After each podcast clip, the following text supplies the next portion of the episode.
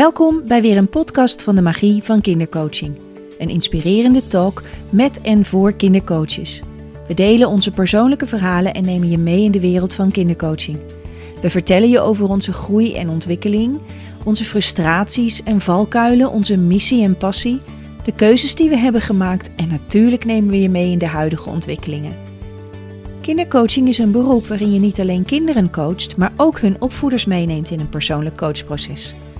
Een duurzame manier van begeleiding en zorg voor het welzijn van kinderen en ouders, maar ook voor onze toekomst. Want de kinderen van nu zijn de volwassenen over 30 jaar en nemen dan beslissingen voor onze samenleving. Als zij zich nu al bewust zijn van zichzelf en de wereld om zich heen, kunnen ze alleen nog maar groeien en keuzes maken vanuit een krachtige verbinding met zichzelf en de ander.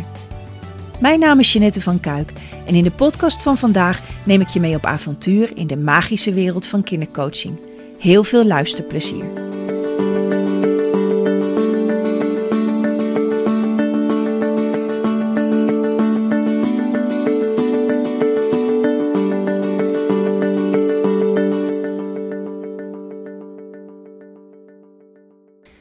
En uh, vandaag ben ik te gast bij Martijn Meijma in zijn prachtige nieuwe huis en praktijkruimte in Diepeveen. En uh, ik zeg te goed, hè, Diepeveen? Helemaal goed. Ja, ja ik zeg bij, uh, bij Deventer. Ja. Net verhuisd. Klopt. Helemaal uh, hier komen wonen. En je hebt een boek geschreven, Moeiteloos ondernemen. En ik ben, nou, ik hoop, ik denk niet dat ik de eerste was die het boek heb aangeschaft, maar wel een van de eerste, want ik dacht, dat boek moet ik hebben. Wat leuk. En natuurlijk gaan we het vandaag over dat boek hebben, maar voordat we daarover gaan hebben, zijn we eigenlijk heel benieuwd wie is Martijn Meijma en wat zijn de stappen in jouw leven geweest. Dus um, eerst even heel kort, kun je kort uitleggen wie is de Martijn Meijma nu? Wie is de Martijn Meijma nu? Ja, dat, uh, ik ben coach, trainer uh, op het gebied van intuïtief ondernemen. Dus bij mij gaat alles over van hoe kan je in de zakelijke context ja, het intuïtieve gebruiken. En voor mij is dat heel breed, maar dat gaat eigenlijk alles wat niet zichtbaar is, niet voelbaar is, maar wat ja, in die onderstroom zit. En uh, uiteindelijk is mijn idee daarbij van als je daar gebruik van gaat maken, dan creëer je met elkaar een hele mooie wereld. Omdat we als we het intuïtieve gebruiken, dan is het niet meer ik of jij, maar dan is het ik en jij. Dan is het niet meer ik wil alleen maar geld, geld, geld, meer, meer, meer. Maar dan gaan we in een soort van balans met de natuur ook uh, succes creëren. Nou, en dat is uh, waar ik voor sta. En de vorm waarin jij dat gegoten hebt is via coaching en training. Ja, ja dus ik coach ondernemers, uh, managers, medewerkers. Uh, om ja, hun intuïtie in te zetten of intuïtieve methodes in te zetten. Uh, ik begeleid ook, ook teams zeg maar, met intuïtieve methodes, zoals ongeveer onder andere organisatieopstellingen, systemisch werk, om, ja, om op een andere manier naar het ondernemen en naar het organiseren te kijken. Ja. Had je dat ook al toen je een klein jongetje was? Dus de kleine Martijn, droomde die hier ook al van? Nee. Had hij enig idee dat dit bestond? Nee, nee, nee. Nee, de kleine Martijn die... Uh, ja, die... Die was... Ik weet het niet precies. Ik vind het altijd lastig om, om daar te zeggen wat hij nou droomde. Die droomde niet zoveel. Ik wilde wel... Ik wilde boer worden. Maar ik weet ook niet waarom. Ik vond het wel leuk met die dieren. En ik, ja, de middelbare, of lagere school, middelbare school het waren niet mijn leukste tijd. Nee, ik kon geen aansluiting vinden. Vond het lastig om ook mijn plek te vinden. Van wat wil ik nou, wat kan ik, wie ben ik.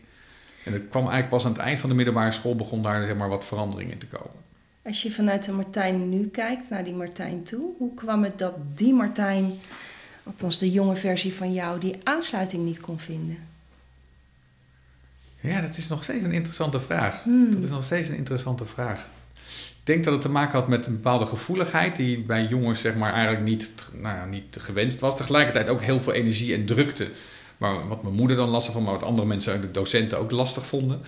Heel veel energie, heel veel, nou ja, ik denk ADHD, maar dat denk ik ook weer niet. Maar in ieder geval wel dat gestuiter en... Um, ja, ik vond het moeilijk om het te verbinden. Ja. Om, om echt te verbinden met mensen. En daar misschien ook wel bang om, om weer dat, dat, die verbinding kwijt te raken, zoiets denk ik. Dus het was toen al een stukje wat je nu eigenlijk doet, de mensen verbinden ja, met de intuïtie. Ja, ja. Als, uh, daar heb je als jongen al mee geworsteld. Ja. Hoe ging dat verder? Nou, want aan het eind van de middelbare school zeg je, um, ja, kwam, werd dat een beetje duidelijker? Of, ja, ja toen, toen, dat was interessant, want toen kreeg ik wat meer contact ook met meisjes. En dat ging wat makkelijker. Ah. Daar kon ik wat makkelijker contact maken. Ja, ik was ook niet die stoere jongen. Dat was het ook. Ik was niet die stoere jongen. Ik was ook niet die jongen die altijd gepest werd, maar ik zat er een beetje tussenin. En toen met meisjes, en dat werden gewoon hele goede vriendinnen, zeg maar. Dus daar kon ik wel, nou, daar, daar kon ik ver- verbinding mee maken. En toen ging ik een jaar naar Amerika, naar mijn middelbare school. Ah, Dus ik liet alles achter me. Ja, en dat was natuurlijk in 1988, hè, dus geen internet, geen e-mail. Geen, eh, ja, de eerste keer dat ik mijn ouders weer sprak was met kerst. Ik ging weer in september weg, of juli eigenlijk. Ja, en dat heeft voor mij een hele grote impact gemaakt. Ja. Want toen ben ik echt, eh, ja, je wordt daar gedropt in een, in een gastgezin. Je gaat daar, ik zat in Texas, dus dat was echt ook nog, nou, als je het Amerika, dat is echt Amerika, zeg maar. ja, het echte Amerika. En eh, zat ik in een gastgezin, ik ging naar de high school en ehm, ja, daar, heb- daar heb ik mezelf echt wel ook wel ontplooid of zo. Daar, daar, daar zag ik ook van, oh ja, weet je wat mooi. En daar, daar waren mensen waren wel echt geïnteresseerd toch ook. Dat zeggen mensen van de Amerikanen niet, maar ze, ze waren toch wel, zeker de jongeren, die waren nieuwsgierig. Hè? Wie is nou die, die, die Hollander die hier komt? Ja, Dus toen kon ik heel makkelijk contacten leggen en dat was echt heel leuk. Want je kwam daar niet alleen als Martijn, maar je nam een heel land mee. Ja, en klopt, kennis ja. van dat land Ja, natuurlijk ja. ook. Dus, eh, Ja, dus ik had ook nog dia's bij me van klompen, Oh van molens en zo. Ja, was Oh fantastisch, fantastisch. ja. En daarna, na dat jaar? Toen ben ik in Groningen gaan studeren. Ik was in Den Haag, bij Den Haag Leidschendam opgegroeid. Dus ik ben in Groningen gaan studeren. Dat is helemaal weer... eh, ja, de hele andere van kant van Texas naar Groningen. Ach, Ach, nou, en daar merkte ik ook wel. Toen kwam ik ook een beetje wel los zeg maar, van, van, van, van alles. Dus daar heb ik echt wel... Het studentenleven was ja, de mooiste tijd van mijn leven. Nou, bijna wel. hm, Ik vind het nu ook wel een hele mooie tijd, moet ik zeggen. ja. Maar eh, ja, daar, daar heb ik echt heel veel leuke dingen, mensen ontmoet, eh, dingen gedaan. Eh, ik heb bedrijfskunde gestudeerd. Ik heb er zes jaar over gedaan, maar dat was vooral omdat ik heel veel dingen ernaast heb gedaan. Ik heb vrijwilligerswerk gedaan, ik heb een, eh, de, de introductieweek georganiseerd. En toen merkte ik echt, daar, daar, toen ging ik, ja, die energie kon ik kwijt of zo. Ik, ik, ik, ik begon mijn talenten te vinden. En ehm, dat zag je ook in resultaten. Dus dat was heel leuk eh, om te ervaren, zeg maar, voor mezelf. Welke talent heb je daar gevonden? Want je mijn talenten, maar ik denk niet alle. Nee, nee, nee, dat klopt. Daar zat het vooral in het, in het enthousiasmeren van mensen, in Ah. energie, energie ergens inbrengen. Ehm, ja, ik zal nooit vergeten, ik was daar eh, als een, nou, een broekie van, wat was ik, twintig denk ik. Ging ik met een partij als Heineken om tafel om te kijken of ze een sponsor wilden worden van die introductieweek. Ah ja. En toen zei die voorzitter van, die zei tegen mij, maar dan zeg je gewoon van, oh ja, we kunnen ook twee keer zoveel doen. Dus ik kon echt zo van out of the blue, zeg maar heel naïef een soort vraag stellen die niemand durfde stellen. En toen zei de meneer van oh ja, twee keer zoveel vinden wij ook wel een goed idee. En toen was het echt zo, hè, maar hoe, hoe durf je die vragen te stellen? Dat, dat was wel mijn talent om gewoon een soort onbevangen iets, iets te kunnen roepen, zeg maar. Ja.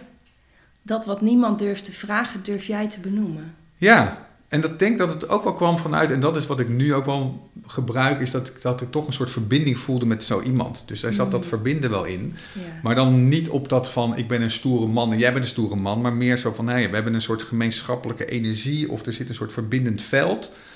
En dat, dat zie je niet zo snel, maar daar maak ik dan verbinding en dan kan ik van, eigenlijk van alles roepen. Ja. En eigenlijk was dat, als ik dat aan jou zo hoor zeggen, al een start van dat intuïtieve stuk. Ja, heel onbewust. Ja, Ja, ja, ja. maar dat ja. was wel, een, ja, dat als ik nu terugkijk, is dat echt wel een eh, stuk geweest. Ja, dus het leven heeft je daar al mooie kansen en voorbereidingen gegeven in waar je nu staat. Ja, absoluut. Ja. Ja, ja. En toen, na je studententijd, je had bedrijfskunde gestudeerd. Ja, dat was een tijd, dat was nog net wat lastig om een baan te vinden. Mhm. Eh, 1995 afgestudeerd. En toen ben ik bij IBM terechtgekomen. Als programmeur. Mijn wenkbrauwen gaan nu omhoog. Ja, fantastisch hè? Ja, ja ik, ik vond altijd computers vond ik altijd wel interessant. Vind ik nog Mhm, steeds mhm. interessant. Ehm, een heel ander, computers zijn ook hele intuïtieve machines eigenlijk. Maar goed, Ah. dat, dat terzijde. Ga je vast een andere keer uit. Ja. Maar ik was bij IBM en daar, ehm, ja, daar, daar hadden ze een soort van klasje en dan werd je opgeleid tot, tot, tot programmeur. En dat leek me wel wat. Ja. Was uiteindelijk helemaal niks. Maar dat, was, dat, dat, dat heb ik drie jaar gedaan. Of ik heb één jaar zeg maar, ben ik programmeur geweest. Nou, echt dramatisch. Echt die laatste details en die laatste foutjes eruit halen. En dat vond ik helemaal niks. Ehm, toen ben ik gaan reizen door Europa voor IBM. Om allerlei mensen ook op te leiden en, en, en voor te lichten over bepaalde programmatuur. Nou, dat vond ik al heel erg leuk, met, dat met die mensen bezig zijn. Maar daar liep ik tegen zo'n grote organisatie, dat ze ook zeiden, ja, jij moet gewoon doen wat je, wat je verteld wordt en niet gaan meedenken met grotere plannen. Ik denk, nou ja, niet meedenken. eh, ik zie allemaal kansen, dus dan moet iets gebeuren. Ja. Nou, toen ben ik, en dan ben ik ook wel van, dan ga ik daar niet nog vijf jaar zitten. Dan Nee. toen ben ik gestopt. En toen werd ik binnengehaald bij Sintens, dat is een adviesbureau voor het midden- en kleinbedrijf. Als IT-specialist, want ze zeiden, oh, we hebben iemand van IBM gevonden. Dat was wel mooi. We hebben iemand Ah, van IBM ja. gevonden. Oh ja. Ja, en dat is wel mooi. En gecombineerd met mijn bedrijfskundige kennis ehm, werd werd ik daar dus adviseur van het midden- en kleinbedrijf op het gebied van IT. Dat was in 98. kwam net dat internet omhoog. Ik wist helemaal niks van internet, want dat hadden we nooit geleerd bij IBM. Maar goed, dus er hing een labeltje IBM op mij, dus dat was mooi. Ik zal ook nooit vergeten, er kwam ook in de onderhandelingen over salaris kreeg je nog een arbeidsmarkttoeslag. Dus omdat het zo, omdat het zo krapte, toen begon het wat krapper te worden. En zeker de IT'ers kreeg ik een arbeidsmarkttoeslag. Ja, dat was heel mooi. Daar heb ik tien jaar gewerkt. Oké. Dus tien jaar lang met ondernemers op het gebied van innovatie, vernieuwing op het, ja, op, in de IT, maar steeds later meer ook nog in de marketing, eh, sociale innovatie noemden we dat ook wel, eh, het gebied van personeelsbeleid. En daar merkte ik op een gegeven moment van, hé, hey, er is veel meer wat een, wat een bedrijf tot succes maakt dan alleen maar die modellen. Daar werd heel veel met modellen gewerkt. Ja. En ik denk, nou, dat is het niet alleen. En toen zal ik ook nooit vergeten, toen kregen we een soort, in plaats van een kerstpakket, kregen we een pluim. Een pluim was een soort waardebon, die kon je inwisselen. En daar kon je ook een aura-reading voor doen. Ik denk, nou, dat is interessant. Ik kwam al, mijn ouders waren al redelijk spiritueel, dus ik, Mhm. ik kende dat soort- soort dingen wel. Maar nu, betaald door het bedrijf, zeg maar, kreeg je dus een aura-reading. Dus ik naar Zutphen.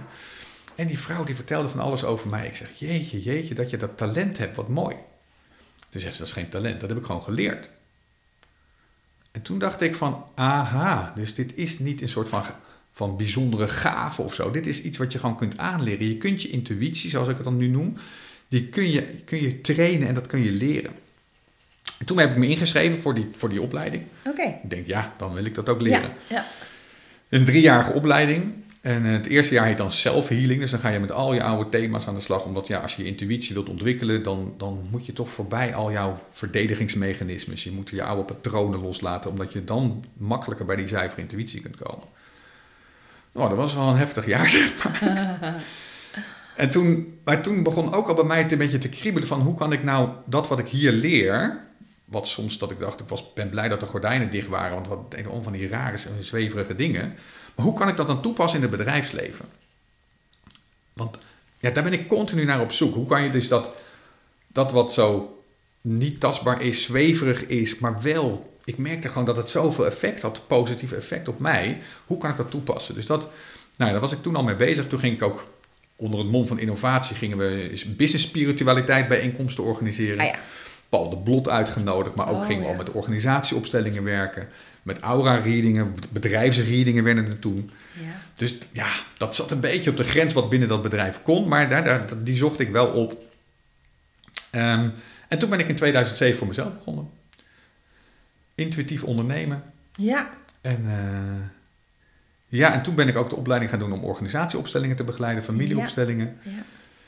En toen, ja, is van het een, toen, toen ben ik echt in, de, in die wereld gerold om, om, ja, toen heb ik het ook echt dat intuïtief ondernemen genoemd. Toen ben ik dat ook echt gaan uitstralen van, ja, ik, ik sta voor, ja, meer dan alleen maar cijfers en een, en een, en hoe heet het, SWOT-analyses en, eh en, en marketing pitches.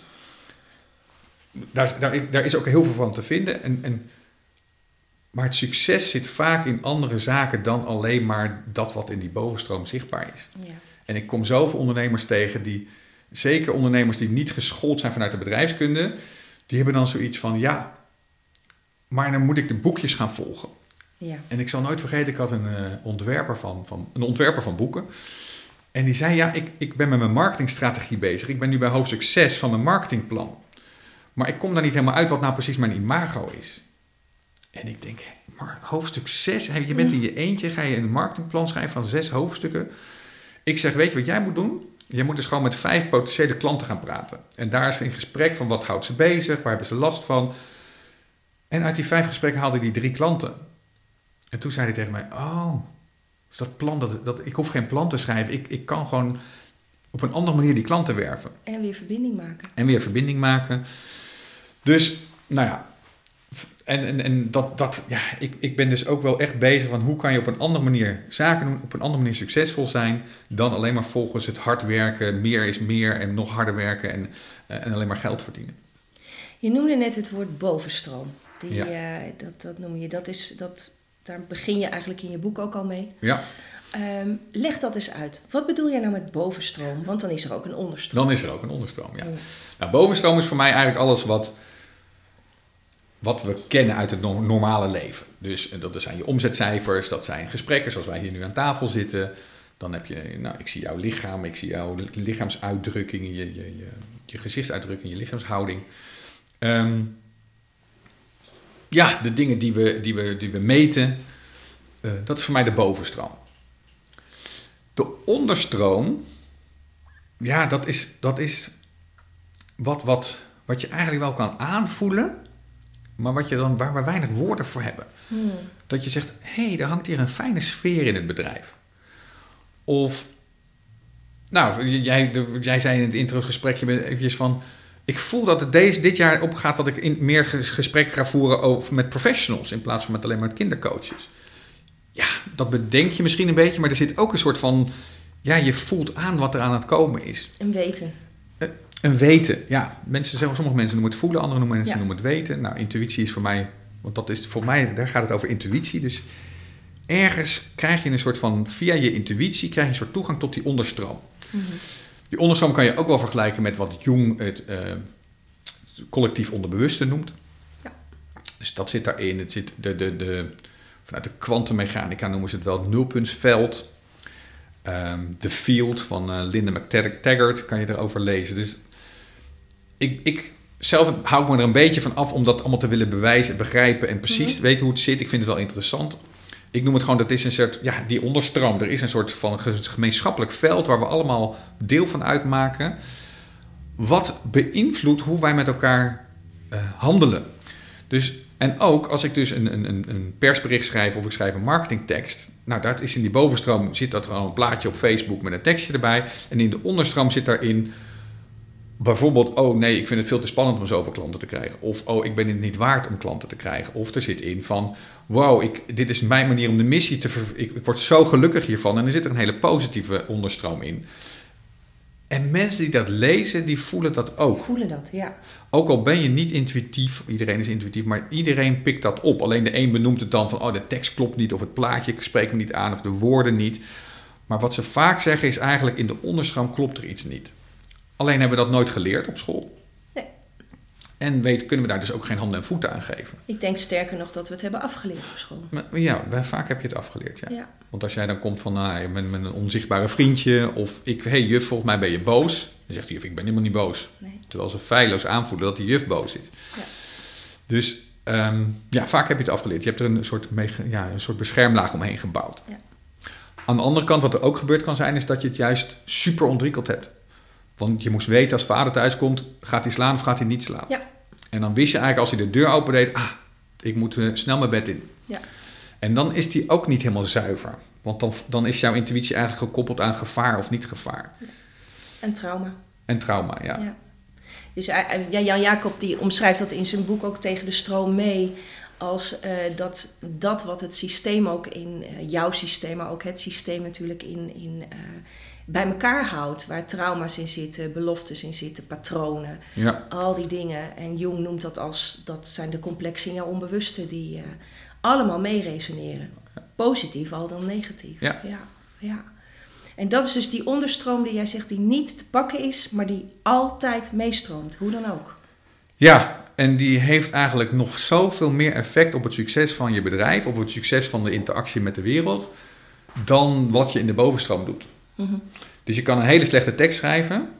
En dan als je ergens een soort van uitstraalt of verbinding maakt, of nou ja, verbonden bent en, en, en in die onderstroom uh, het succes al uitstraalt, dan kan iemand op die tekst dat je denkt, nou dit is zo'n slechte marketingtekst, dan krijg je toch allerlei klanten. Ja.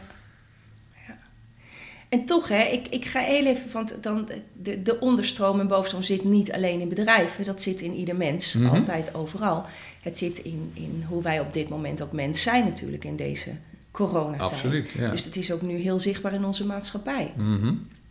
Ehm, zou jij kunnen... Um, uh, nou, laat ik het even anders zeggen. De maatschappij verandert. De hele... Alles is op dit moment... Uh, het gaat nooit meer zo worden als het wat wordt, was, wordt vaak gezegd. Uh, waar ik ook zeker um, hoop dat dat zo zal zijn op heel veel gebieden.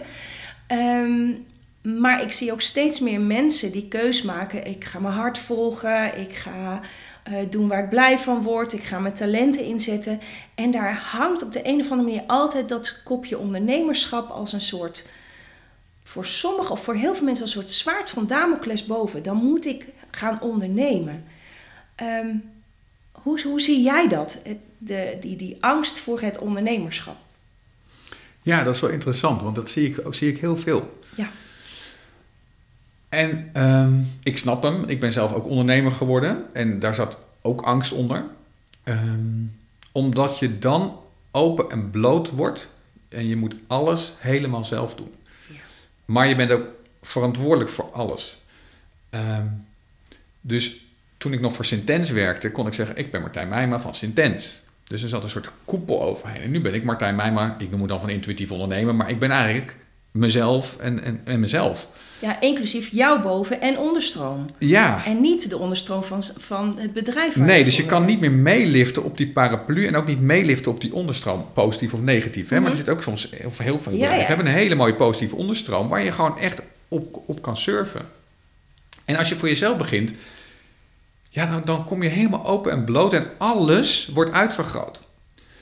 En dat is in deze tijd, ja, dat is wel interessant, want nou, ik zeg altijd, als je ondernemer wordt, wordt echt alles onder een vergrootglas gelegd. Dus alle kleine traumaatjes of kleine pijntjes, probleempjes die je hebt, die zie je terug in hoe jij de wereld te, tegemoet treedt. En dat zie je direct terug in hoeveel omzet je krijgt of hoeveel klanten er komen. 100 procent, ja.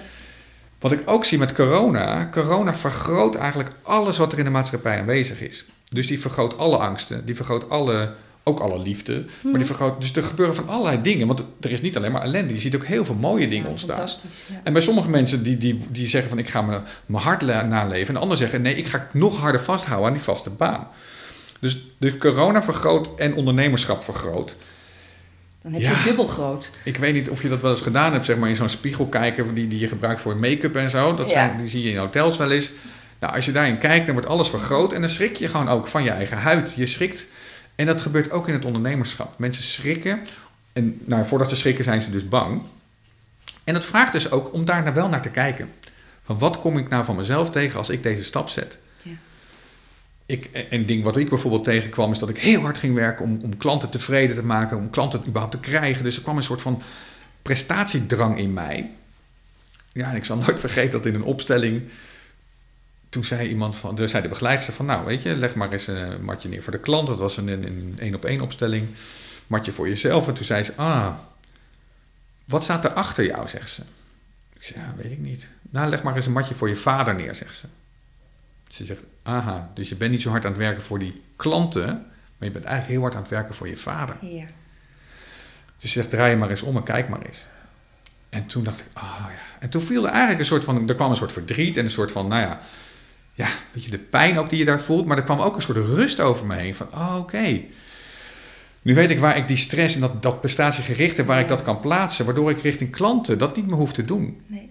En die klanten voelen dat, want dat was die onderstroom. Ja, dus dat voelen die klanten in die onderstroom. Dus ja, die gaan daar ook niet op aanhaken. Want dan hebben ze zoiets van, ja, jeetje, er zit zo'n gespannen jongetje...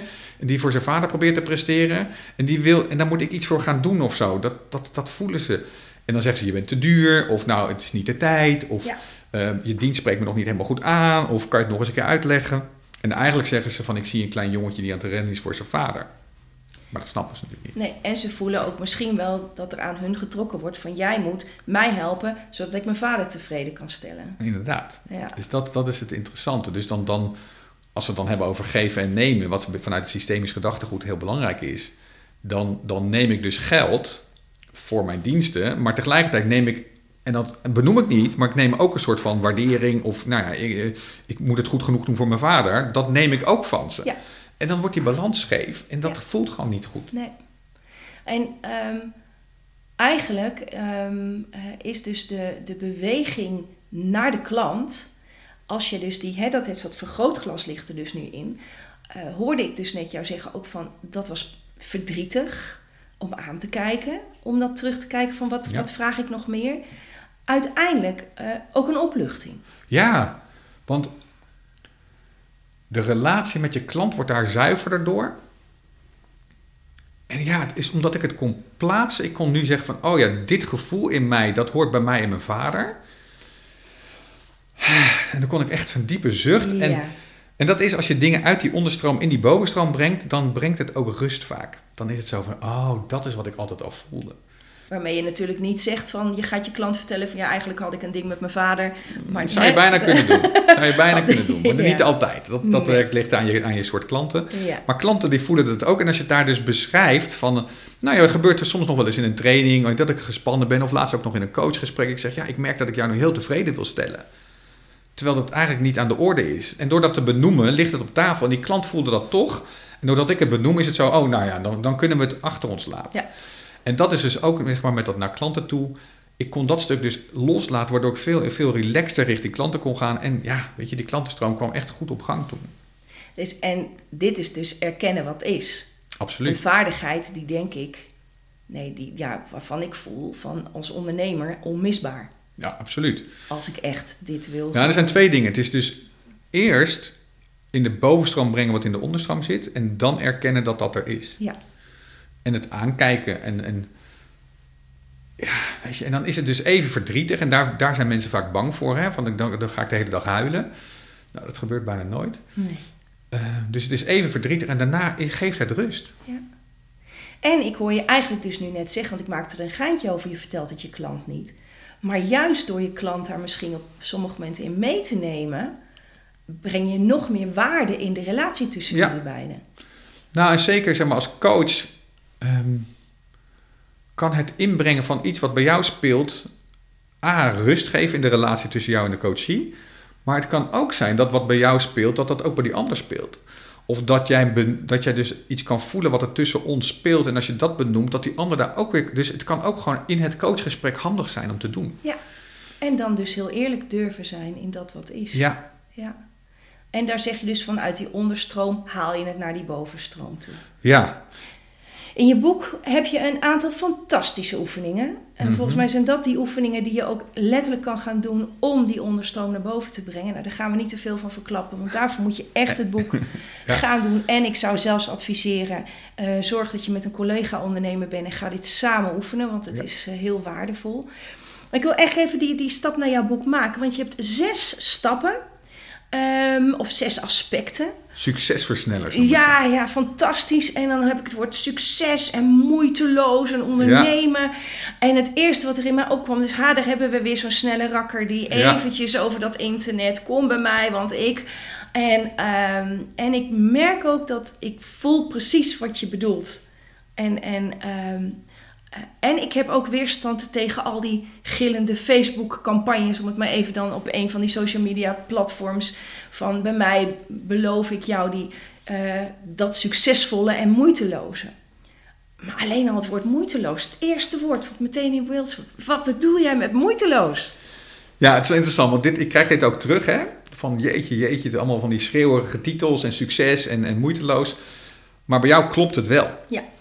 Ehm, want moeiteloos is natuurlijk niet Netflixend op de bank eh, je, je bankrekening bekijken en zeggen van, oh, er is weer 20.000 euro bijgekomen. Moeiteloos gaat dat het op een manier gebeurt die bij jou past, Ja. waardoor het voelt alsof het vanzelf gaat. Waardoor je die dingen doet waar je blij van wordt. Nou, zo'n gesprek als dit, ik word er helemaal blij van. Het is niet dat ik denk, oh, ik moet een marketingstrategie en daar past een podcast met net wel goed in. Nee, dit, dit, dit gebeurt omdat, nou ja, wij kennen elkaar. Ik dacht Ja. van, ik moet weer eens contact op. Oh, nou, jij had net zoiets van, ik moet Martijn weer eens bellen. En dan ontstaat iets en dan zitten we nu hier een podcast op te nemen. En dat gaat voor mij moeiteloos. Ja. Ik heb er geen uren voor zitten bereiden, jij volgens mij ook niet. Nee. Ehm, maar we zitten niet op de bank een beetje niks te doen. We zitten hier wel ja, actief een podcast te hebben. En jij moet uiteindelijk gaan monteren. Gaan er daarna ook de wereld in, in, in gooien. Dus het gaat erover, moeiteloos is dat het bij je past. En op een manier gaat dat het als vanzelf gaat. Wat wij bij onze opleiding zeggen is het echt, je hebt een zielsplan, een missie, je bent niet voor niks geboren. En als je op dat pad bent, dan ervaar je niet de moeite die je moet doen als dat je iets moet doen waar je eigenlijk, nou misschien wel jouw weg op de middelbare school, hè, waar, waar het veel meer moeite kost Ja, om, om mens te zijn, omdat dat nog niet helemaal jouw pad is. Ja, die is wel interessant, want dat vertel ik ook in mijn boeken. Met, met alles, eh, met, met alle, alles waar, je, waar je voor staat, sluit je ook iets uit. Ja. Dus met een moeiteloze sluit ik natuurlijk het moeizame uit. Eh, en het is niet altijd moeiteloos. Mm. En ik zal nooit vergeten dat ik een blog schreef aan de hand van... Ik denk ook dat ik op de Schelling aan het fietsen was geweest... en dan echt heel hard stevig tegen die wind in had gefietst. En dat maakte ook wel dat ik echt voelde dat ik, dat ik leefde, weet je. Dus Ja. die moeite, dat was ook die echte inspanning. En toen dacht ik, ja, dat is in het ondernemerschap ook soms zo. Soms ga je even ergens... Heb je, moet je ergens even moeite doen, hè? Wat ze ook wel zeggen, een, een vlinder die moet door, die, door, door, die, door dat hele dunne gaatje om, om eruit te komen, om die vle- vleugels droog te kunnen krijgen. Dus soms moet je wel, is het zwaar en heb je eh, ja, pijn en bloed, zweet, zweet en tranen nodig. Nou ja, zo zijn we allemaal geboren. Ook, ja, zelfs daar begint het al. Niet allemaal trouwens, sommigen met de keizersnede dan weer net ja, niet. Ja, ja. Ehm, en toen reageerde een klant van mij, ze zegt, ik ben zo blij dat je dit opschrijft. Want bij jou krijg ik altijd het idee dat alles makkelijk en moeiteloos moet zijn. En dat, het niet, dat ik het niet moeilijk mag vinden. Nee. Dus ja, nou, ja, dat is het risico van moeiteloos. Alleen wat, dat stuk van het moeilijk en het hard werken, dat kennen we wel. De, de, de onderstroom in Nederland is vanuit, ook vanuit het Calvinisme. Ja. Heel hard werken. Als het niet goed gaat, nog een tandje erbij. Niet klagen. En dan komt het allemaal goed. Dus mijn missie is ook wel om daar een soort nieuw verhaal neer te zetten. Een verhaal dat het, dat het ook makkelijk kan. Of dat er ook door, door, door moeiteloos te werken, of ja, werken is dan niet eens het goede woord, door vanuit een soort stroom en flow aan het, aan het dingen te doen, dat daar ook succes en, en, en een heel groot succes uit kan komen. Ik denk dat het grote verschil is, en dat vergelijk ik dan even met mijn eigen leven, is toen ik nog in loondienst was, deed ik waar mijn hart vol van was. Alleen klopte het niet wat ik op een gegeven moment klopte het niet meer. En toen gingen dingen mij moeite kosten, waarvan ik voelde van ik moest elke keer weer tegen mijn zin. En nu ik zelf ondernemer ben, joh, ik maak uren van 60, 70, eh, weken van 60, 70 uur moeiteloos. Vind ik helemaal niet erg. Nee, En eh, dus dat is wel een groot verschil. Ja, En komt er iets op mijn pad, dan heb ik inmiddels de tools om te kijken naar die onderstroom die daar natuurlijk is. ja, want dat daar is moet je moeite voor doen. Ja, ja daar, daar zit vaak moeite in. En soms is het ook, en dat is wel fijn als je je intuïtie goed ontwikkeld hebt, kom je iets tegen, is, is het dan iets waar je doorheen moet? Want soms kom je iets tegen wat toch een beetje wrijft, wat schuurt, wat moeite, moeilijk is. En soms is dat heel erg goed om dan daar niet mee verder te gaan en te zeggen: ik pak de makkelijke weg. Ja. Want de makkelijke weg mag je zeker pakken. Weet je? De water stroomt ook altijd langs de makkelijke weg. Ehm, maar soms moet je ergens doorheen. En dat moeten is niet een moeten omdat het moet vanuit een soort dogma, maar omdat dat gevraagd wordt van je. Omdat dat is wat je intuïtie ook aangeeft. Ja, hier moet ik eventjes doorheen. Dit gaat zwaar worden, maar dat is nodig. En dat is weer dat helder weten, helder zien, helder voelend, helder ruikend. Ruiken, proeven. Ja, Proef, Dat, ja. ja, Daar is een helderheid in je waarvan je het weet. Ik herken hem en eh, misschien ook de luisteraars eh, zeker.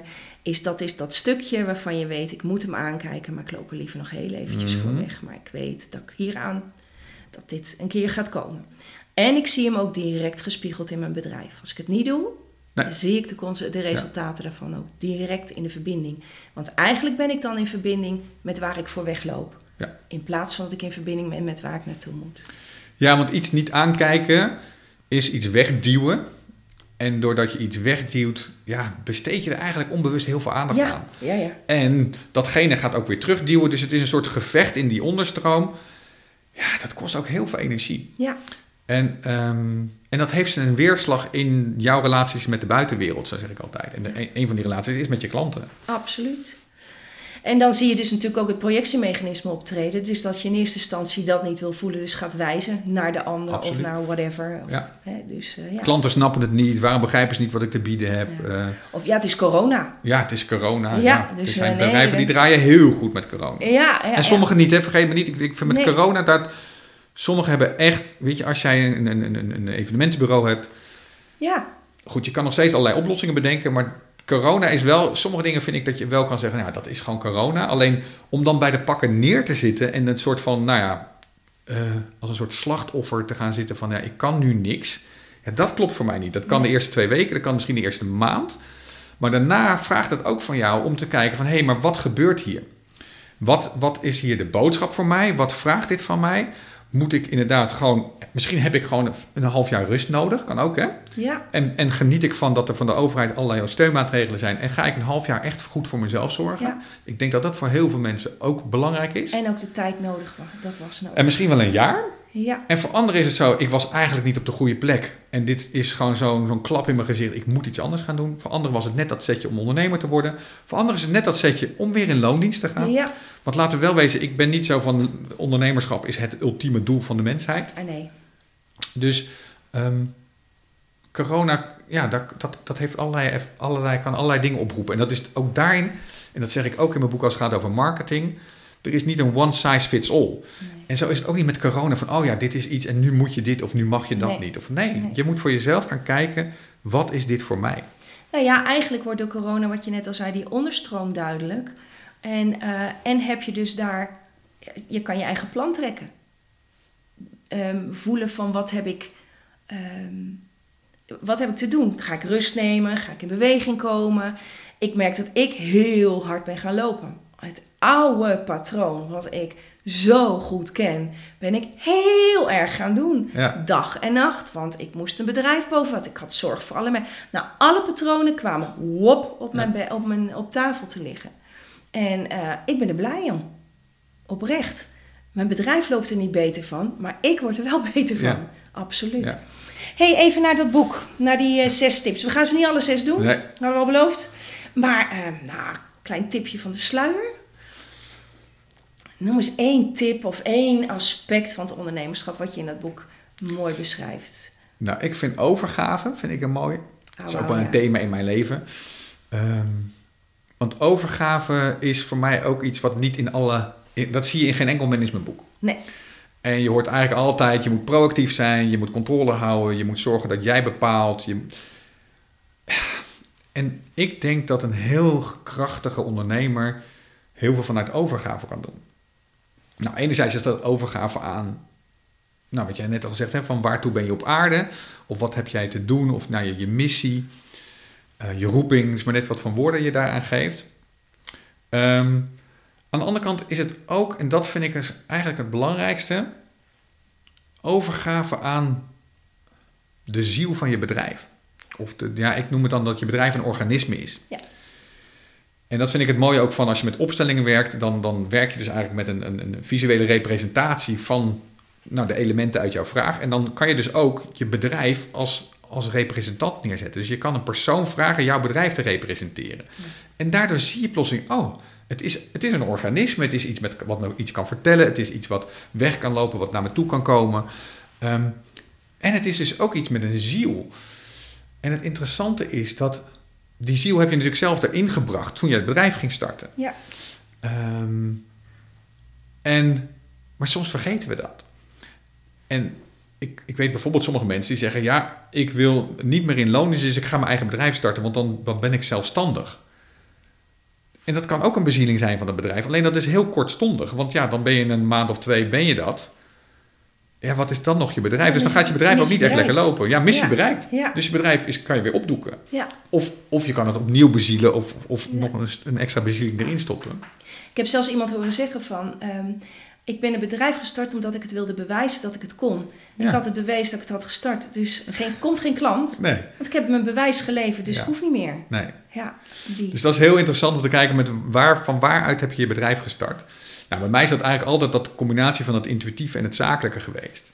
En ergens, en dat beschrijf ik ook in mijn boek, in, in mijn loopbaan als ondernemer ben ik de eh, Intuïtief Coachen Academie heb ik opgericht.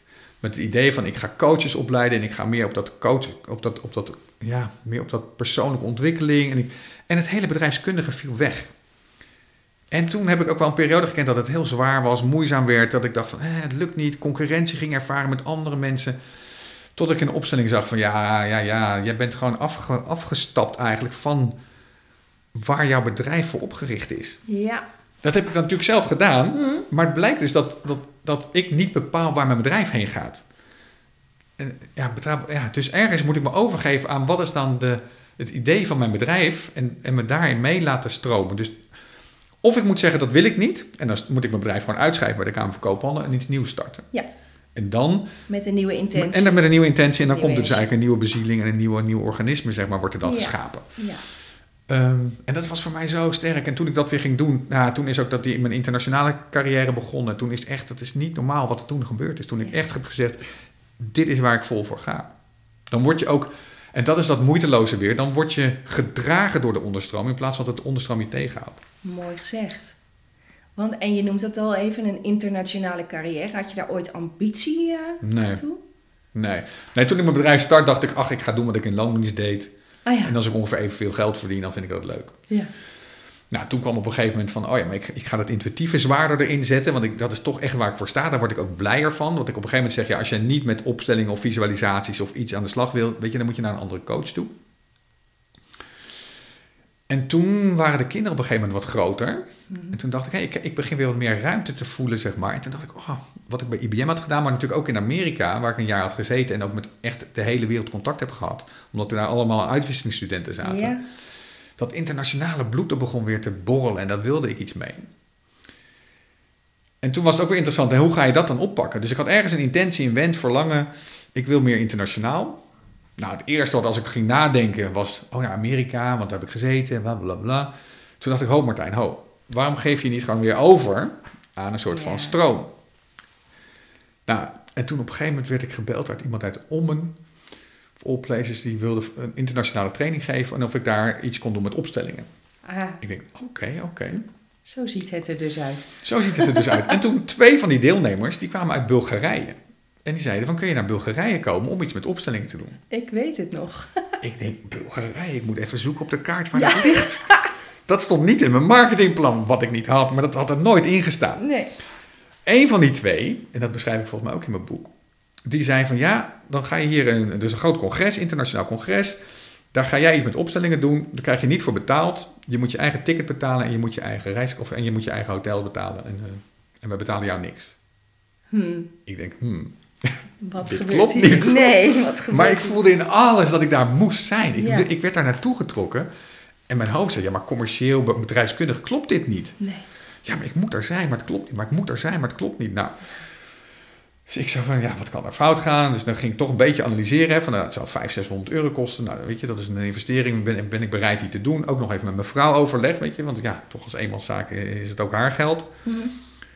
En dat heb ik gedaan, ja. En het was fantastisch. En ik, was, daar- ik heb daar mooie mensen ontmoet. En twee weken later kreeg ik een vraag... wil je in Parijs een betaalde training geven? En toen ging ik, daarna ging ik een klant in Lyon. En dan ben ik in Boekarest geweest, Budapest geweest. En nou, werd ik gevraagd voor Europese projecten. En als ik dat dus niet gedaan had... Nou, dan was er misschien een andere weg geweest. Maar, ja, nee, dit maar dit was dus typisch dat intuïtieve. ja, Iets in jou wist, ik moet het doen. Ja, en dat is dus een moeten. En ja, moeten vinden mensen altijd een beetje raar. Of sommigen vinden het een heel vervelend woord. Je moet helemaal niks. Of ik, van wie moet je dat? Maar dit is een soort intuïtief moeten. Ja. ja, ik maak altijd de opmerking van het is hard werken en je moet iets. Maar dan moet met een D en hard met een T. Ja, ja, ja. Hè, die, de, de, de- het vereist ook echt om dan inderdaad tegen die... tegen jouw eigen innerlijke gevestigde orde in te gaan. ja. En dat toch dan te gaan doen. Kijk, en het geluk bij mij is, ik ben ook wel, ik heb een hele grote avonturier in mij. Ja, lekker. Dus ik vond het heerlijk om, weet je, ja, dan vlieg je naar Bulgarije en Ja. dan ga je daar mensen ontmoeten in Ja. Nou, ik vond het fantastisch. Ja, ja. Dus, dus alleen dat al, nou, en dan zelfs alleen het enige, ja, en geld is bij mij altijd wel een dingetje geweest, ook vanuit mijn jeugd. Dus dan ja, ga ik daar dus geld betalen zonder dat ik er iets voor terugkrijg. En dat, daar zat bij mij de spanning. Ja. Nou ja, in dat wat jij be- bedenkt wat je ervoor terugkrijgt. Want uiteindelijk heb je Ik heb de dubbel en deur geopend eh, naar iets veel ruimers. Ja, dus aan het eind van, die, van, die, van, de- van, van dat congres, toen zei de organisator ook, die zegt van ja, ik zou je graag geld willen betalen, want het was zo waardevol wat je gedaan hebt. Ik zei nee, weet je, laat maar. Ik wist toen nog niet wat ging gebeuren, Nee, maar voor mij klopte dat ook niet. Weet je, ik, had- ik was er ingestapt en ben ik er ook Ja, ja ingestapt. gezegd Ja. tegen deze deal. Ja, Maar daarna werd ik echt gewoon gebeld en gemaild en het was echt fantastisch. ja, Ja. ja. Ja. ik weet ook dat, ik weet dat je die stap hebt gedaan. En ook, volgens mij hadden we in die tijd elkaar zelfs aan de telefoon van, nou, je raadt nooit, ik ga naar Bulgarije. Ja. Dat was echt eh, heel bijzonder, ja. Ja, en daarna dus ook, ja, boek, dus het is ook een beetje dan Oost-Europa geworden op de een of andere Ja. manier. En dat is ook interessant, want ja, ik wist niet wat ik daar te zoeken had. Maar ja, Nee. het, het, het- en dat is dus wat er gebeurt. En Zeker dat internationaal, dat gaat echt gewoon moeiteloos. Want ik word gewoon gebeld of gemaild of gevraagd. Totdat, en dat is dan ook hoe, hoe intuïtie werkt. Totdat ik dus een training had gepland in Turijn. Maart 2019. Nee, ja, maart 2019. Nee, 2020. Maar 2020, vorig jaar. Oei, ja. Nou ja, maar er kwamen niet, het was november of zo, net 2019, kwamen niet genoeg deelnemers. Ik denk, weet je, soms had ik het idee van, een keer eerder had ik gezegd, ik doe het wel en dan zie ik wel dat er genoeg komen. En nu dacht ik, ik doe het gewoon niet. Nee. Dus ik zeg, ik plan die week wel vrij, want dan ga ik werken aan mijn online trainingsaanbod. Maart 2020. Maart Hoe 2020, dan? het was echt de eerste week van de lockdown. Ja, En toen dacht ik, oh ja, ik had, anders had ik, in, ik, mijn idee was dus in Ita- Italië te zitten, nou wat helemaal natuurlijk niet kon. En ik had gepland om met mijn, met mijn online dienst aan, het werken. hoe dus, dan? ja, ja. dus dat is dan heel interessant hoe, hoe intuïtie werkt. ja. En dit is dus die overgave daaraan. Ja, Merk je ook dat hoe vaker je het doet, hoe makkelijker het Ja. gaat? want dan krijg je een soort vertrouwen. Van, oh ja, als ik dat doe, dan gaat het kloppen. Dus Mhm. ja, dus, ja, dat helpt wel. Dus je moet, dat zeg ik ook met intuïtieontwikkeling. Je moet het dus eigenlijk heel veel doen. En uitproberen en dan ook opschrijven, zeg maar. En later terugkijken. En dan denk je, oh, kijk, toen voelde ik het eigenlijk al. Ja. Ik, ik, ik, ik moet er nu alleen nog wat meer op vertrouwen. Maar dat je dus een soort van vertrouwen gaat krijgen in die signalen. En dat je ze ook gaat begrijpen. Of, of leren lezen of zo. Of je, je eigen taal gaat ontwikkelen. Ik heb hem zelf, ik, ik eh, benoem het altijd als de golf komt er weer aan. Ik voel hem. Ja, ja, ja. En dan geen idee wat voor golf het is, maar ik weet, ik ga er klaar voor staan. En het is aan mij de keus, spring ik erop of laat ik hem voorbij gaan. Ja. En die vrije keus heb je wel, volgens Altijd. mij. ja. Maar ik voel hem wel. En wat er gebeurt in mij, en die herkennen ook veel kindercoaches, omdat we dit wel eens ehm, onderzoeken, eh, is dat dan mijn geboortepatroon weer zich aandient. Oh, En ehm, eh, dat is eh, toen mijn moeder, zeg maar toen ik geboren werd, zat er bij mijn moeder een grote onzekerheid. En ik voel direct dat ik in alles extreem onzeker word. En dan weet ik, ik moet het doen. Want dat betekent dat er weer wat nieuws ja, komt. ja, ja. Maar toen ik dit niet wist, dook ik terug eh, de baarmoeder in, bij wijze Ja, van spreken. ja, ja. Oh, dat is interessant. Dus als er iets nieuws gebeurt, dat dat te maken heeft met hoe je eigenlijk op aarde bent gekomen. Eh, dat is, eh, of bij heel veel mensen werkt dat inderdaad zo. Ik, Mm. ik durf nog niet te beweren dat het altijd zo is, maar Ah, dat is wel interessant. hij is wel, hij, bij mij in ieder geval werkt dat zo. Ja, Dus, ja. ja. En dan is het even vraag aan je moeder als ze nog leeft van hoe ben ik eigenlijk Ja. geboren, mam? En hoe voelde jij je Ja, hoe voelde jij je? Want die vind ik ook wel interessant. Want Ja. ik weet dat ik heel makkelijk geboren ben. Ik was echt zo plop, was ik er. Maar hoe voelde zij zich? Die is Ja. wel interessant, ja. Ja, en Want wat heb je als baby? Meteen, eh Anne Verwaal heeft dat heel mooi eh, Ja, over iets nieuws. En dat, is, want, en dat is natuurlijk nu, zitten we met z'n allen in een soort, in een nieuw stuk. We, We kennen zitten dit in niet. Barensweeën. Ja, eh, absoluut, ja, absoluut. Ja, en ik denk ook heel veel patronen, eh, beloftes, eh, weet ik, trauma's, alles ehm, gaat, waardoor systemen voelen dat ze de controle gaan verliezen. Dat wordt nu Ja, ja, aangescherpt en het maakt veel duidelijk. ja, absoluut. Ja, absoluut. Dus die overgave, Ja. ik, vind hem, ik vind hem heel mooi. Ehm, nou, we hebben nog een beetje tijd. Heb je er nog één? Als ik heel lief kijk. Als je heel lief kijkt. ehm, ja, ik twijfel een beetje welke. Geld. Nou, ik wou net vragen, Ja, zullen we geld leuk. geld Ja, hebben? je, Het is toch ook een ook thema wat bij de, jou de mens is ook een thema, hè, maar daar hebben we het best wel iedere keer hebben we het daarover. Ja. Dus, dus kijken naar jezelf is belangrijk. Maar geld is ook een heel interessant thema, omdat juist in dat ondernemerschap wordt dat ook uitvergroot. Want je moet geld gaan vragen, en zeker als je één pitter wordt, je moet geld gaan vragen voor jou, jouw diensten. Eh, of voor jouw producten. Of voor je, dus, nou, en geld is eigenlijk liefde. Ja. En dat is, vind ik, ja, ik vertel dat een keer tegen mijn moeder, die zegt, nou, daar kan ik echt niks mee. Dat is zo'n onzin verhaal. En toch, ik, ik voel het in al mijn vezels. Alleen wat wij doen, wij projecteren op geld al onze angsten, verlangens. De maatschappij heeft er van alles opgegooid. Onze ouders hebben er van alles opgegooid. En, en daardoor is geld energetisch besmet geraakt. Dus als jij nu aan geld denkt, ja, dan, dan komen er van allerlei beelden op en, en, en ideeën bij. Maar geld aan zich is alleen maar een ruilmiddel Ja. omdat ik niet kan leven van al, het eten wat mijn coaches, mijn, mijn, mijn coachklanten zeg maar, kunnen bieden. Dus dat, die geven mij geld en dan kan ik eten kopen naar huis. En, eh, dus het is een heel, heel eenvoudig een ruilmiddel. Ehm, en een ruilmiddel vanuit dankbaarheid. Want ik coach iemand die is daar dankbaar voor en die betaalt mij geld. Ehm, als het goed is. En dat is voor alle, alle diensten die je hebt. En ook, ook alle producten. Want als ik een ik heb, we zitten hier aan een tafel. Nou, ik vind het een mooie tafel. Die heb ik gekocht. Dus er zit ook een stuk dankbaarheid dat ik nu aan deze tafel kan zitten. Ehm, nou, en als je je kan verbinden als, als, als ondernemer met die stroom van dankbaarheid vanuit jouw klanten. door middel van geld naar jou. In plaats van ik moet geld vragen en dan, maak, dan doe ik iemand tekort of weet ik van. Nee, geld is een prachtige manier om geven en nemen in balans te krijgen.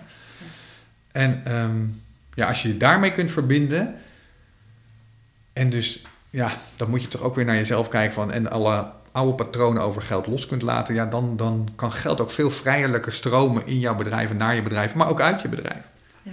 Ik vind het heerlijk om facturen te betalen. Ah ja, joh. Ja. ja, met liefde. Maar ook om facturen te sturen, heerlijk. Ja. En ook met het betalen van die factuur je dankbaarheid mee te geven. Ja. Hè? Ja. Dat is uh, een dankjewel. Uh, ik weet niet hoe ik het anders kan doen. Dit, dit is voor mij de beste manier om jou te bedanken voor wat jij voor mij betekent. Absoluut. En dan komt ook dat stukje wat waarschijnlijk heel veel van mijn collega's zullen herkennen, van de kindercoaches, is het vragen om geld. Uh, letterlijk van wat is dan dat tarief? Ja. Want ik zie heel veel de beweging maken van om het maar minder te doen. Ja. En ik, ik ben zelf, ik herken hem in al mijn vezels. Dat ik ook vaak roep van, ah, laat ik het, doe maar voor de helft. Of ah, ja. van, laat maar zitten. Daar zit ook een boodschap in. Ja. Nou, dit, ja, ook daar weer is, is van waar komt dat vandaan? Hè? Dus dat Ja, ja. is voor ieder, daar is ook geen... Dus weer dat mensstuk wat je omschrijft. ja, dus niet een one size fits all. Nee. Ehm, maar wat ik altijd wel benoem, is als jij dus te weinig vraagt. En te weinig is, een, is, een, is, is, is subjectief, hè, want het gaat Nee. in die onderstroom. Want Ja. je kan het niet uitrekenen. Er zijn Nee. natuurlijk allemaal vanuit de bedrijfskunde, heb ik ook geleerd, modellen om je, om je kostprijs te berekenen en je prijs te berekenen. Ja. Het is ook een onderdeel van je marketing, hè, een van de P's. Maar dan kom je er niet uit. Nee. Dus het gaat erom, kan jij intunen op dat geven en ontvangen? En kan je dan voelen, waarnemen, wat is hier een juiste prijs? En een vraag die je daarbij kan stellen, is een mooie vraag, is maakt, als ik de prijs hoger maak, wordt mijn klanten sterker of zwakker? En wordt mijn product sterker en zwakker of word ik sterker en zwakker? Wat gebeurt er als ik mijn prijs halveer inderdaad? Wordt, die dan, wordt mijn product sterker? Wordt mijn dienst sterker? Wordt mijn klant sterker? Of wordt die zwakker? En je kan hier zelfs met een collega vragen: zou jij even representant willen zijn voor mijn klant Ja, in deze Ja. beweging? Maar vaak, weet je, we hebben, we hebben eigenlijk wel redelijk goed eh, ehm, waarnemingsvermogen over dat systemische Ja, ja. geven en nemen. Ja. Alleen moet je dan inderdaad, je moet wel eerlijk zijn naar jezelf toe. Dus dan kan een, kan een, kan een collega helpen, zeg maar, die dan daarvoor staat, want die is wat, ja, die is wat eh, neutraler daarin. Mhm. Want wat er gebeurt er als jij te weinig vraagt voor je diensten, is dan zadel je die ander op met een, met een schuld. Met een schuld, precies. En dat is verschrikkelijk. Ja. En dat kan je één keer doen, twee keer doen, maar de derde keer komt hij niet meer bij je. En als hij niet zo bewust is, dan zegt, ze, oh, zegt die klant van ja, het, het werkt niet, of ik vind je te duur. Kunnen zelfs zeggen, ik vind je te duur, of nou, er zijn allerlei verhalen in die bovenstroom. Maar in de onderstroom zeggen ze eigenlijk, ik heb niet zin om nog meer schuld op te bouwen bij jou. Dus dat, eh, dat is ook over geld. Ja, Ja, en over is- prijsstelling. ja. En, dat heeft dus dan, en dan is dat weer dat eerlijk zijn naar jezelf. eh, Ja. Er zit heel veel smet op geld, absoluut. ehm, trauma op geld. Ja, Ehm, mijn ouders, mijn vader moest knijten hard werken en op zijn 51ste eh, was het voorbij. Ehm, en heeft dus eigenlijk zijn hele leven hard gewerkt. En daar nooit wat van terugkreeg. En ik voel ook in die onderstroom bij mij, en ik denk dat dat meer mensen herkennen, eh, dat dat mee, meeweegt. Mhm, zeker. In, Ja. ehm, in, in ook, mag je eigenlijk wel van je geld genieten? Ja. En dat is ook een, eh, een thema. Mooi thema. ja, hè? Ja, ja. interessant. Kun je leuke opstellingen mee doen volgens mij. Ja, absoluut, absoluut. Ja. Ehm, we zijn al bijna aan het eind van deze podcast. En ik zou je ook nog een vraag die eigenlijk nog in me oplopt is... ehm, vooral nu is, wat heb je nog voor wensen en verlangens voor, voor de toekomst van de beweging die jij eigenlijk door middel van dit boek neerzet? Maar het is altijd boeiend, boeiend dat je zegt wensen en verlangens. Want omdat ik zeg, als je je intuïtie zuiver wil houden, moet je hem losmaken van, ver- van verlangens en wensen. Want voor je het weet ben ik iets aan het bedenken. Ja. Zonder dat ik me aan het overgeven ben aan wat, wat gaat er ontstaan. Dus dat, dat die, die, maar er zit voor mij wel een soort verlangen. Of ja, nou misschien is het eigenlijk wat ik, kan ik, en dat is voor ondernemers ook wel interessant. Hè, kan je door dat wat je neerzet bent voelen in de toekomst waar dat naartoe wil gaan. Dus waar, waar wil dit naartoe gaan? En voor mij gaat dat wel over. ehm, ja, als ik hem heel groot maak, is dat we wereldwijd op een andere manier met elkaar gaan, onder, gaan, gaan zaken doen. Dus dat het oude macht en het oude eh, ik ten koste van jou vervangen gaat worden door. Ja, macht vervangen door liefde misschien toch wel, hè? Dan, maar dan zakelijke liefde. Eh, ik, in plaats van jij, van wij samen, gekoppeld ook aan de planeet. Want weet je, dus, dus, dat voor mij hoort er ook bij. Want we zijn niet alleen maar verbonden met mensen, maar we zijn ook verbonden met, met, met, met voorwerpen. En we zijn ook verbonden met die aarde. Ehm, dus, dus als deze beweging doorgaat, dan zullen ze ook bij Shell op een gegeven moment zeggen van ja, klopt het nog dat wij olie uit de grond aan het halen zijn in een tempo die veel groter is dan waarin het erin gaat? Um, dus, dus, en ik heb daar ook niet, want eh, op dit moment ben ik ook heel dankbaar dat, dat die olie uit de grond gehaald wordt. Want mhm. anders dan hebben we gewoon geen eten, is er niks, hè? want we kunnen geen auto's rijden. Dus maar dan, dat we dus in alles wat we doen, daar gaat het eigenlijk over, meenemen van wat, als we intunen op dat algemene veld waar alles één is, wat zijn dan de stappen die we nemen? En dan geloof ik dat we met elkaar stappen gaan nemen, die ik niet kan bedenken nog, die leiden naar een wereld waarin we zeg maar duurzaam met elkaar en duurzaam met de wereld omgaan. Ehm, maar dan ook niet vanuit, want er zit ook bij de hele stroming vanuit eh, de milieustroming zit een soort vooringenomenheid dat zij weten hoe het moet, zeg maar. En nu is alles CO2-vermindering. Nou, de wereld zit ingewikkelder in elkaar dan dat je aan een CO2-knop kan draaien. Dus, dus kunnen we ook loslaten dat we weten hoe het moet. En dat is nou ook weer iets uit mijn boek. Dat kan je over de brug lopen terwijl je aan het bouwen bent. En dat, ja, dat zou ik wel wensen. Ja, dat zou ik toch echt wel wensen dat we dat met elkaar gaan doen. Dus dat we niet moeten weten van, oh ja, dit is de 500 stappen en dat is goed. En dit zijn de 500 stappen die zijn slecht. Maar dat we met elkaar een manier kunnen vinden van hoe gaan we de eerstvolgende stap zetten. Ja. Vanuit die verbinding met elkaar, verbinding met de planeet. En dan is eigenlijk de twee hoofdwoorden bij jou zijn verbinding en liefde. Ehm, ja, eigenlijk drie. En intuïtie. Ja. Dat zijn en overgave. Ja. Maar daaraan, ja. Ja, ja verbinding, liefde. Overgave aan, overgave aan verbinding, liefde en intuïtie. Ja, ja klopt. Ja. Heerlijk, dank je wel voor dit rijke gesprek. Volgens mij heeft het een hoge informatiedichtheid uh, gehad, maar dat zijn, ben ik met jou al gewend. ja, zo gaat het. En volgens mij kan ik nog uren met je doorkletsen. Ik hoop dat, uh, dat de luisteraar geïnspireerd is. Jouw boek, de titel Moeiteloos ondernemen.